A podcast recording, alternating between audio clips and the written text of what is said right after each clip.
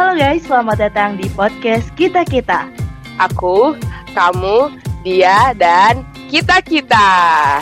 Halo semuanya, selamat datang di podcast Kita Kita kembali lagi bersama gue Kapten Afla dan Kapten Ime. kita akan terbang menuju ketinggian mimpi-mimpi kita. Asik. Asik banget. Parah banget. Dan saat ini kita udah kedatangan bintang tamu kita dari jurusan kedokteran. Wow. Apakah mimpi jadi dokter ini dari kecil ataukah baru-baru aja? Langsung aja kita kepo-kepo ini. So dengerin sampai habis, jangan sampai di skip. Oke. BTW BTW itu siapa, Me? Kenalin dong. Eh, teman kita yaitu namanya Tiara. Hai Halo, Tiara. Halo guys, salam kenal gue Tiara. Asik. Salam kenal. Salam kenal buat teman PDKT juga ya. Salam kenal nih dari teman kita yaitu Tiara. Dan tadi kan kita ngomongin kita akan terbang ke mimpi-mimpi ya. Dan Mm-mm. kita cerita tentang impian-impian kita tuh selama ini tuh apa aja dan terwujud atau enggak. Di sini ada Tiara yang bakal cerita-cerita tentang apakah lu itu mimpi jadi dokter tuh dari dulu atau gimana Tiara? Sejujurnya dulu aku TK tuh gue nggak punya cita-cita, terus gue kayak ngikut-ngikut cita-cita mayoritas teman-teman gue gitu loh. Jadi setiap ditanya guru gue, gue jawab aja gue pengen jadi dokter. Padahal gue sebenarnya nggak tahu gue mau jadi apa. Eh tapi ternyata eh, akhirnya gue pas udah mulai SMA gue mulai menyadari kalau ternyata emang gue mau jadi dokter dan akhirnya alhamdulillah eh, gue masuk ke fakultas kedokteran gitu. Wow, nggak pernah tuh melenceng pengen jadi apa gitu, pengen jadi chef, pengen jadi apaan gitu, atau emang lurus jadi dokter dari TK, SD, SMP, SMA atau gimana? Dulu waktu kecil sempet gue bilang gue pengen jadi supir sih. Tapi kalau pas gue udah rada gedean gitu, ini sih dokter terus sih. Pap. Lu cita jadi supir tuh dari mana dapatnya itu? Jujur gue nge gue gitu loh, terus gue bilang gue pengen jadi dia. Oh, Oh. gue baru pertama kali nemu orang punya supir pengen jadi supir. Oke, nggak apa-apa, nggak apa-apa. Karena supir juga keren kan ya. Oke, keren banget ya. Berarti emang udah lurus banget nih. Niatnya berarti udah konsisten banget ya dari awal sampai akhir. Dan akhirnya sekarang mimpinya terwujud. Sampai sekarang kuliah di kedokteran. Di mana tuh? Gue di Universitas Jember, UNED. Nah, di Universitas Jember. Kenapa Jember sih disebutnya? Lu tahu nggak sih? Jujur gue nggak tahu sampai sedalam itu ya kenapa disebut Jember. Jember di mana sih? Di mana sih dia? Iya, Jember di mana? Jember tuh kayak di ujungnya Jawa Timur tapi sebelum Banyuwangi gitu loh. Jadi kalau lihat di peta tuh kayak deket-deket Bali gitu. Oh. Hmm, nyaman gak di sana? Nyaman, nyaman banget dong. Sebenarnya sama aja sih kayak Bekasi kayak nggak ada bedanya jujur menurut gue. Oh gitu. Oh, nggak ada bedanya. Bedanya cuma di sana nggak pulang gitu ya. Sampai sekarang. Si anjir. Boleh dong diceritain, lu sampai akhirnya lu menetap walaupun lebaran. Gimana ceritain? Jadi itu ceritanya eh, kan Lebaran tuh kalau nggak salah tanggal kayak 13 gitu kan. Dan Mm. mudik itu dilarang kayak Hamin 6 Hamin 5-nya Lebaran gitu kan. Iya betul. Dan ternyata kampus gue ngadain ujian offline gitu, ujian offline Hamin 2 Lebaran. Jadi kan otomatis gue nggak sempet balik. Dan kalau gue balik kan pasti kecegat gitu loh. Jadi kayak ya udah deh, gue lanjut aja deh sampai libur semester gitu.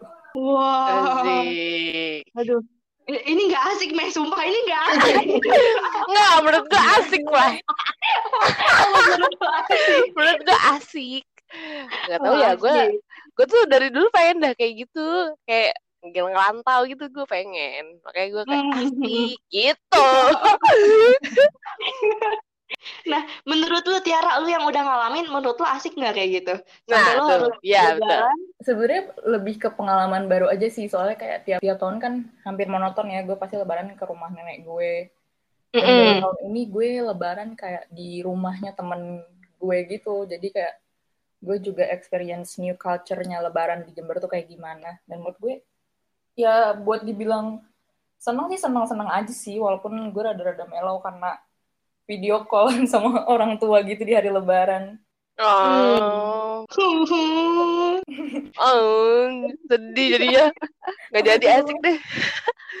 Duh, nggak jadi asik. Berarti lu nggak dapet THR ya? Gitu juga ya. menurun drastis sih emang. Oh, terjun bebas gitu ya.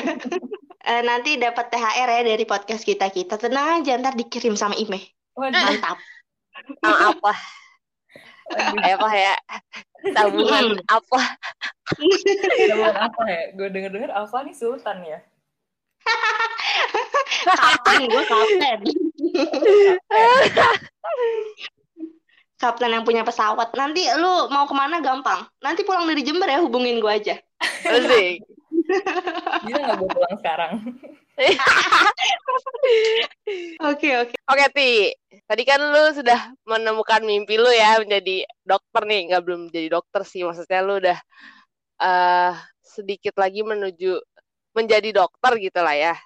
Nah, gimana proses belajar lu sampai akhirnya lu keterima di kedokteran tersebut gitu loh. Ya Allah, gue nanya ini ke Tiara. Tiara temen sama gue. Ya udah gimana, Ti? Proses belajar lu nih sampai lu akhirnya bisa keterima kedokteran gitu loh. Gimana, Ti? Jujur dulu gue SMA, Ime juga tahu kali ya, gue nggak termasuk anak-anak yang ambis banget gitu. Gue malah kayak termasuk golongan-golongan yang menghasut teman-teman gue buat males. Iya nggak sih, Wen? Iya, betul. Itu betul. Gak termasuk. Orang yang kehasut sama gue buat males. Iya.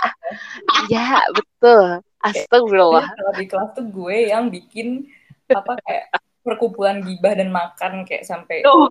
dimarahin guru gitu gak sih, Meh? Sorry banget. Iya. Gue jujur, ini gue nggak ngerti apakah ini bisa memotivasi dan bisa dicontoh apa atau gue malah bakal bikin orang-orang sesat gue juga. Coba gue mau ketawa. ternyata reputasi Ya. gue jelek banget ya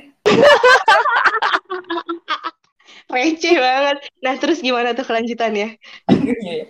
Jadi tuh gue tipe tipe mahasiswa pejuang SBM seperti biasa. Jadi gue tipe yang belajar pas kelas 12 baru mulai. Gue baru kayak ditampar realita kalau gue harus belajar atau enggak gue nggak punya masa depan. Nah, dan di situ gue kayak di gue ikut bimbel gitu dan ya jujur gue cuma ngikutin yang bimbel itu arahin sih. Ya gue ikut inten dan lo tau kan betapa nerakanya inten. Tapi kayak betapa mereka maksa murid-muridnya buat belajar. Justru gue malah berterima kasih banget sih sama inten karena kalau gue nggak ikut inten nih gue bener-bener bakal tidur doang anjir. Sumpah. Hmm, tapi karena guru-guru ya? galak banget, hmm, galak Oh, banget. Gue kayak dimaki setiap hari, jadi kayak gue terdorong untuk belajar gitu. Belajar akhirnya ngikutin inten dan akhirnya alhamdulillah diterima deh gitu. Asik.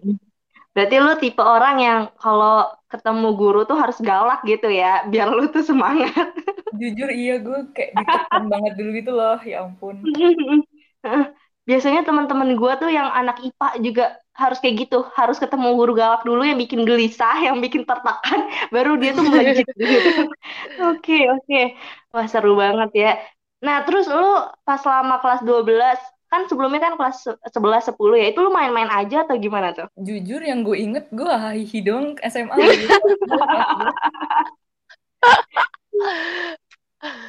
Hai. gue cuma Iya. cuma main-main doang sama teman-teman gue seinget gue ya. Hmm.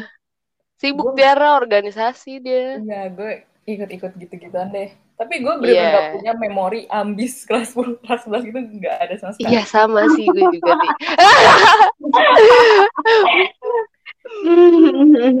Berarti skor akhir lu berapa tuh yang ikut SBM sampai bisa keterima di kedokteran? Sorry, gue lupa ini udah tahun yang lalu BTW. 6 kalau nggak Hmm. Ingat gue angka setan gitu. Kesetan dong. Oh, jangan-jangan karena angka setan itu ya. Jadi, oh ini bagus nih angkanya masuk. gitu. Dibantu oleh alam-alam gaib gitu deh. Aduh. Emang rezeki lu sih, gue yakin banget Iya, itu betul. udah jalan terbaik dari uh, Tuhan yang udah diberikan kepada lu.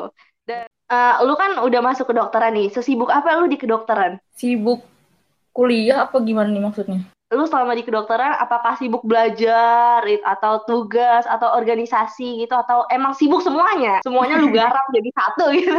Wah, gokil. Em, kalau kuliah itu menurut gue em, di FK itu cukup lebih ke padat sih daripada ke sibuk. Maksudnya kan kalau sibuk Mm. udah yang sampai nggak bisa ngapa-ngapain itu ya. Kalau menurut gue lebih ke padat. Soalnya kayak ini nggak semua FK kayak gini sih, tapi eh, setahu gue beberapa FK juga nerapin sistem yang sama kan. Kalau di FK itu mostly pakai sistem blok kan, dan sistem blok itu kayak sistemnya lo lima minggu kuliah, terus lo satu minggu setelahnya ujian gitu loh, dan abis itu lo langsung ganti, istilahnya ganti blok lagi gitu loh.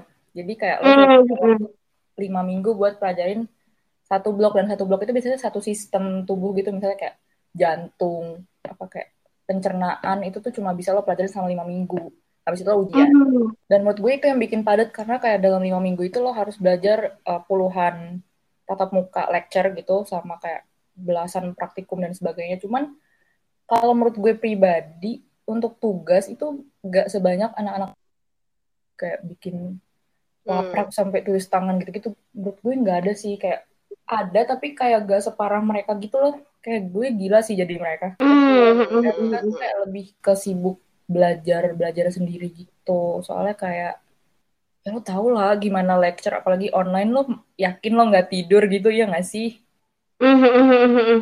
gue sih tidur banget setiap lecture sorry banget gue bukan contoh. Tapi kalau gue pribadi merasakan lebih lebih ke padat gitu kuliahnya sama kalau sibuk sih sebenarnya kalau sibuk organisasi itu eh, dulu tuh waktu angkatan gue baru maba gitu itu diwajibin gitu loh ikut ikut UKM gitu. Tapi kayak angkatan bawah gue udah nggak diwajibin lagi gue nggak ngerti gimana ya. Sebenarnya sibuk itu eh, sibuk dan capek itu pasti menurut gue hal yang pasti. Kayak lo kuliah doang aja udah sibuk gitu loh. Capek juga pasti gitu loh. Kadang gue malah pernah tidur seharian dan gue ngerasa capek tidur gitu kan Mm. jadi kayak Kebanyakan tidur itu capek ya. eh, capek kan lo scroll TikTok aja kadang aduh gue capek deh scroll TikTok doang seharian ya gak sih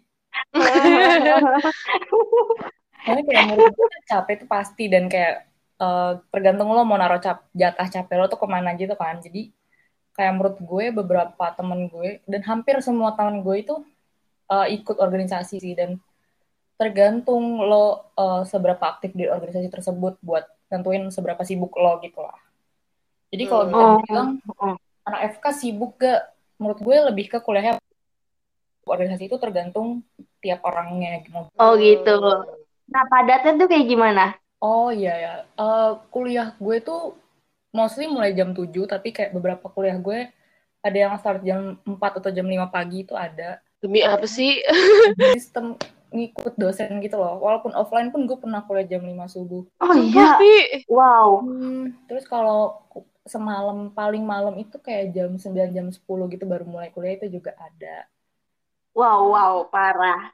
Tapi nggak selalu ya. Maksudnya itu kayak eh, ham- kadang sih, tapi ada Hmm. ada beberapa dosen tuh emang karena mereka eh, beliau-beliau ini kan sibuk ya beliau ini kan kerja juga kan jadi dokter Hmm. jadi kadang kayak ya bisanya subuh atau malam banget gitu dan kita harus ngikutin gitu. Hmm. Latihan sih ya kan namanya dokter kan sifatnya kan kayak misalnya tiba-tiba kan kita nggak pernah tahu orang Oh, sakitnya iya kapan mau subuh kek mau maghrib kek mau isya mau jam 12 kita nggak pernah tahu. Kita harus siap dengan segala hal. Mungkin kayak gitu kali ya hikmah yang Iya, bisa betul. diambil kalau yang gua tangkap sih kayak gitu. Mm, mm, mm, bisa jadi sih kalau dilihat dari positif side-nya. Iya Keren nih. Nuzon banget orangnya apa Gimana cara eh, lu ngebagi waktunya antara belajar sama organisasi? Kan lu organisasi juga kan. Belajar juga ya iyalah lu kedokteran kan. Gimana cara bagi waktunya lu, Ti? Em, kalau gue pribadi biasanya kan uh, weekday itu kan pasti kita kuliah full kan. Nggak bisa jadi full, bisa jadi kosong ter- tergantung harinya. Nah, itu biasanya kalau gue lagi lagi lagi waras ya, kayak weekdays dan kayak jam-jam kuliah ya gue pakai buat kuliah. Terus kalau misalnya lagi kosong baru deh gue ngurus-ngurus organisasi dan sebagainya. Hmm.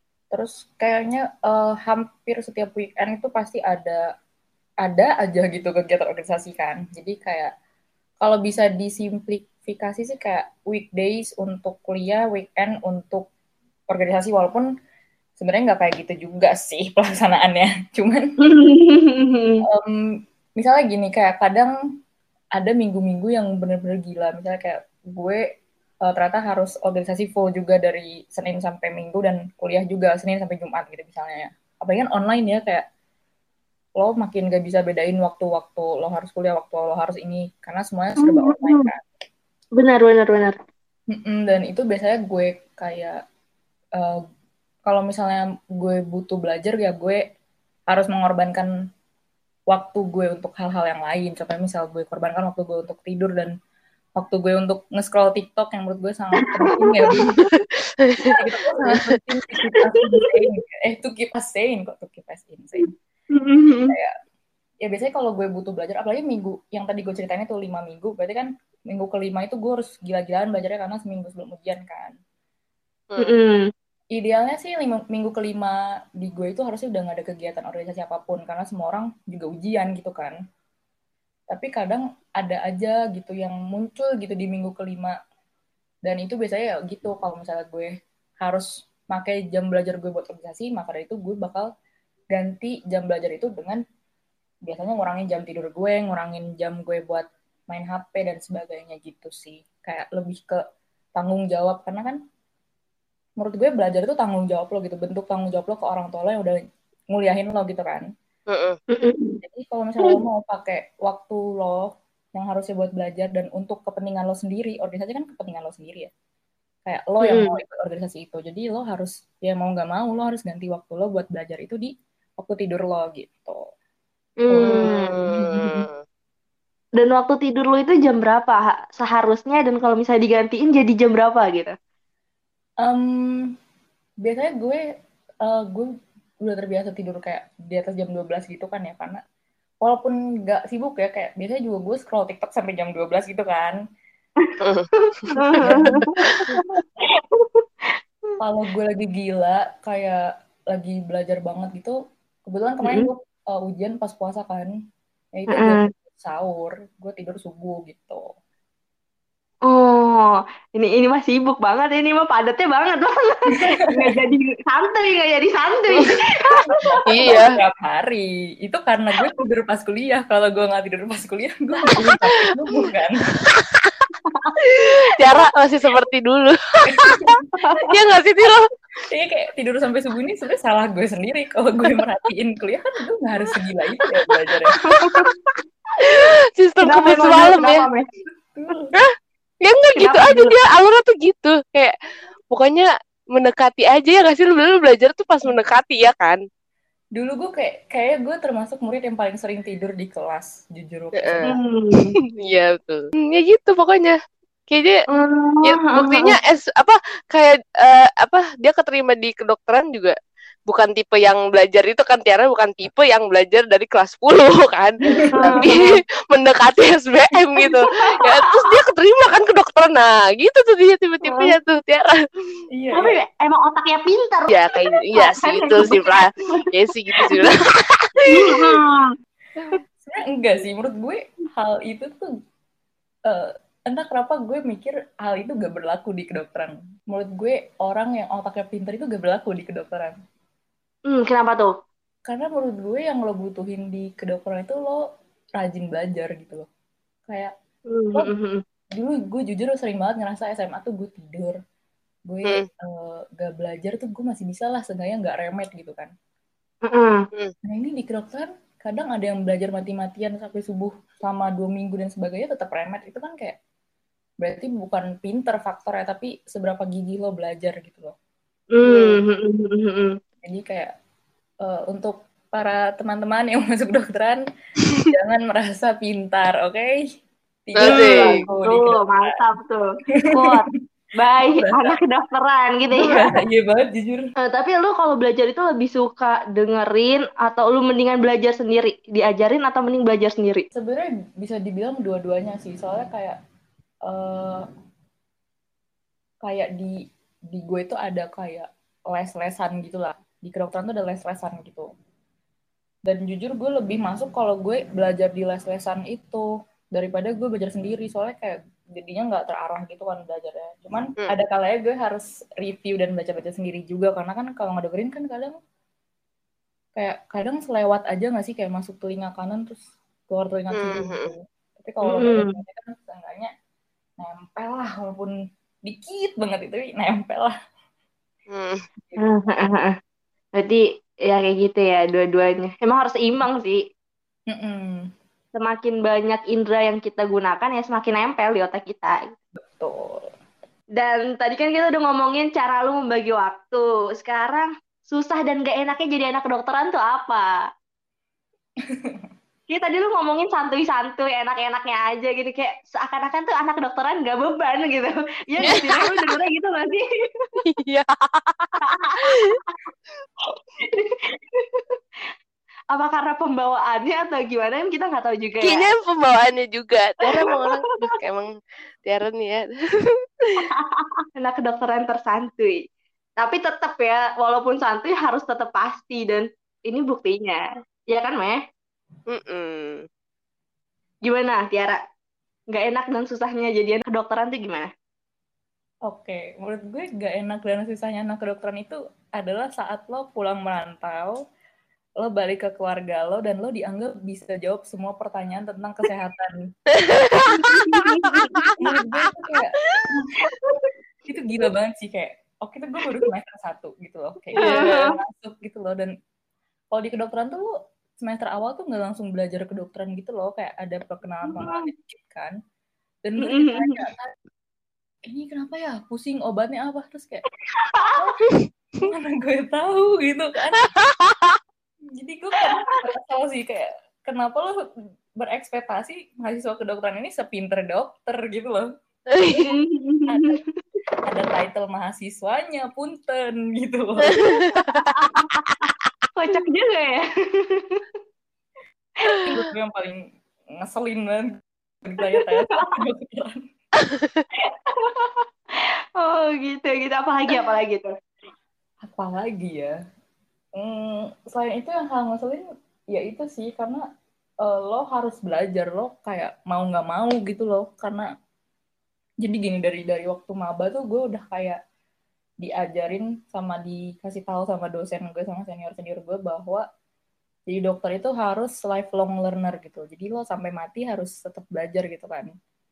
Mm-mm. soalnya kayak eh, kedokteran dan sains itu dinamis banget kan. Kayak bisa jadi sekarang kita bilang COVID-19 belum ada obatnya gitu kan. Tapi bisa jadi tahun depan udah ketemu dan atau kayak beberapa bulan lagi udah ketemu gitu.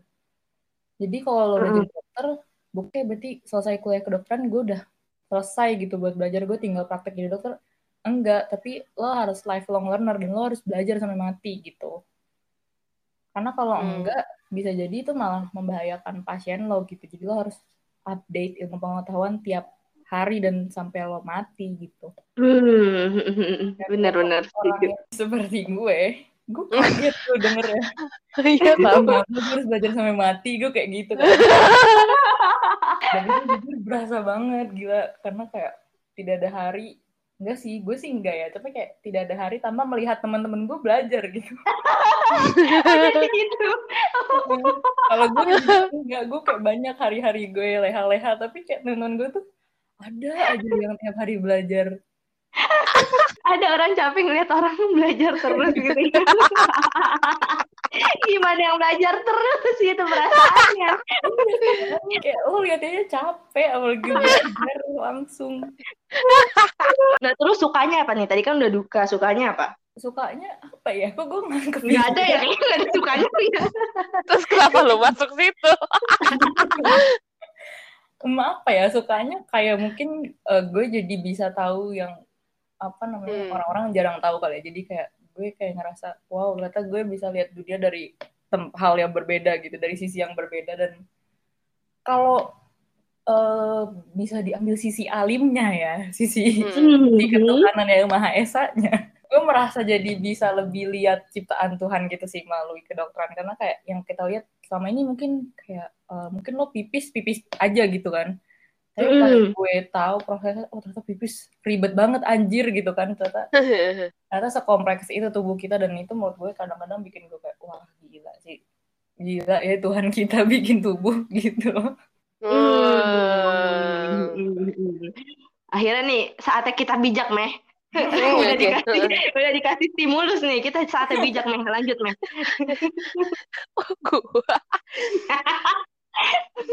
Jadi pokoknya eh, ada sisi positifnya lah ya. Jadi Mm-mm. apa banyak bersyukur ya Tia eh, bukan bersyukur apa tadi tuh Iya bisa lihat dari sisi sisi lain lah kalau lihat kehidupan tuh. Hmm. Dan ternyata hal yang mungkin kita anggap sederhana, kita anggap mudah, kita sepelein bahkan kan ya, itu Iya, ternyata betul. sangat secara kalau misalnya kita pelajari ternyata sulit banget dan ternyata Allah dengan mudahnya membuat itu semua dengan kun fayakun jadilah maka terjadilah. Wah, keren banget sih. emang emang. Akhirnya ada kata-kata bijak juga ya di podcast kita, hikmah ya. aduh gue batuk mulu lagi Aduh. Tolong dong, ini gue takut deh orang batuk mulu dari tadi. ya Allah ini gue batuk gara-gara ketawa mulu ya Please jangan tanya gue kenapa Imeh batuk, gue nggak tahu. Mau tanya lu, gue gak mau nanya.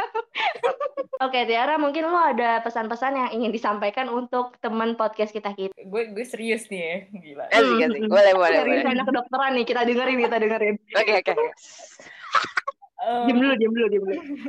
Gue jadi malu. Jadi gue pernah denger dari apa kakak tingkat gue kalau misalnya lo kuliah kedokteran itu lo harus lari buat lo bisa jadi dokter. Tapi kalau lo gak bisa lari, eh, maka jalanlah gitu. Dan kalau misalnya lo gak bisa jalan, maka merangkaklah. Dan itu kayak menurut gue keren banget tuh quotes anjir kayak wah gila. Berarti yang penting tuh lo lo jalan gitu. Ini menurut gue juga berlaku sih menurut gue nggak cuma ke anak FK dan juga anak kedokteran aja tapi kayak menurut gue berlaku ke semuanya yang mungkin ngerasa lo susah buat belajar kayak yang penting kalau lo gak bisa lari ya udah ngerangkak aja gak apa-apa yang penting lo jalan yang penting lo usaha gitu jadi jangan ngerasa dengan lo ketinggalan sama teman-teman lo tuh lo gagal. Tapi kayak menurut gue semenjak gue masuk FK mungkin gue lebih menghargai proses kali ya.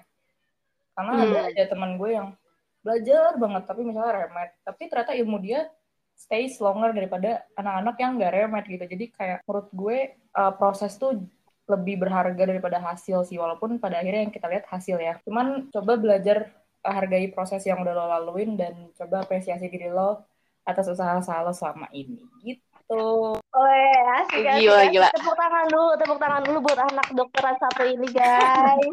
gue juga dengernya tadi keren banget beneran quotes itu ah, gila sih gue baru tahu dari lu malah keren keren Iya, keren banget Keren, keren banget. Tepuk tangan dulu. Iya, keren Keren. banget sih, keren banget. Emang hidup itu berputar, kita juga nggak bisa berhenti di satu titik aja. Kita harus tetap berjalan, walaupun memang kadang kita capek, ya kita harus tetap merangkak, kayak gitu kan. Wah, itu keren banget sih. Thank you banget untuk ilmu, sharing, dan juga quotes-nya ya, Tiara. kayak thank you juga guys kesempatannya walaupun gue belum jadi representasi mahasiswa kedokteran yang serius dan ambis Kita membuka perspektif yang berbeda, out of the box. Kita nggak bisa itu-itu aja, kita harus berbeda. Ya nggak, Meh? Asik, betul, betul, betul. Lu pokoknya membuka perspektif yang berbeda lah. Karena karena kita tahu kan kedokteran, anak kedokteran pasti kayaknya gini-gini aja gitu ya. Kan kita awal mikir gitu ya. Wah, ya. Mm, mm, mm. Iya, Tapi pas benar banget. mendengar penjelasan dari lu, oh ternyata nggak selamanya gitu, gitu loh. Iya keren banget sih, lu keren banget, thank you banget ya Tiara. Oke mungkin sekian dari gue Konita Afla dan Gue Ime. see you next podcast. Bye, dadah.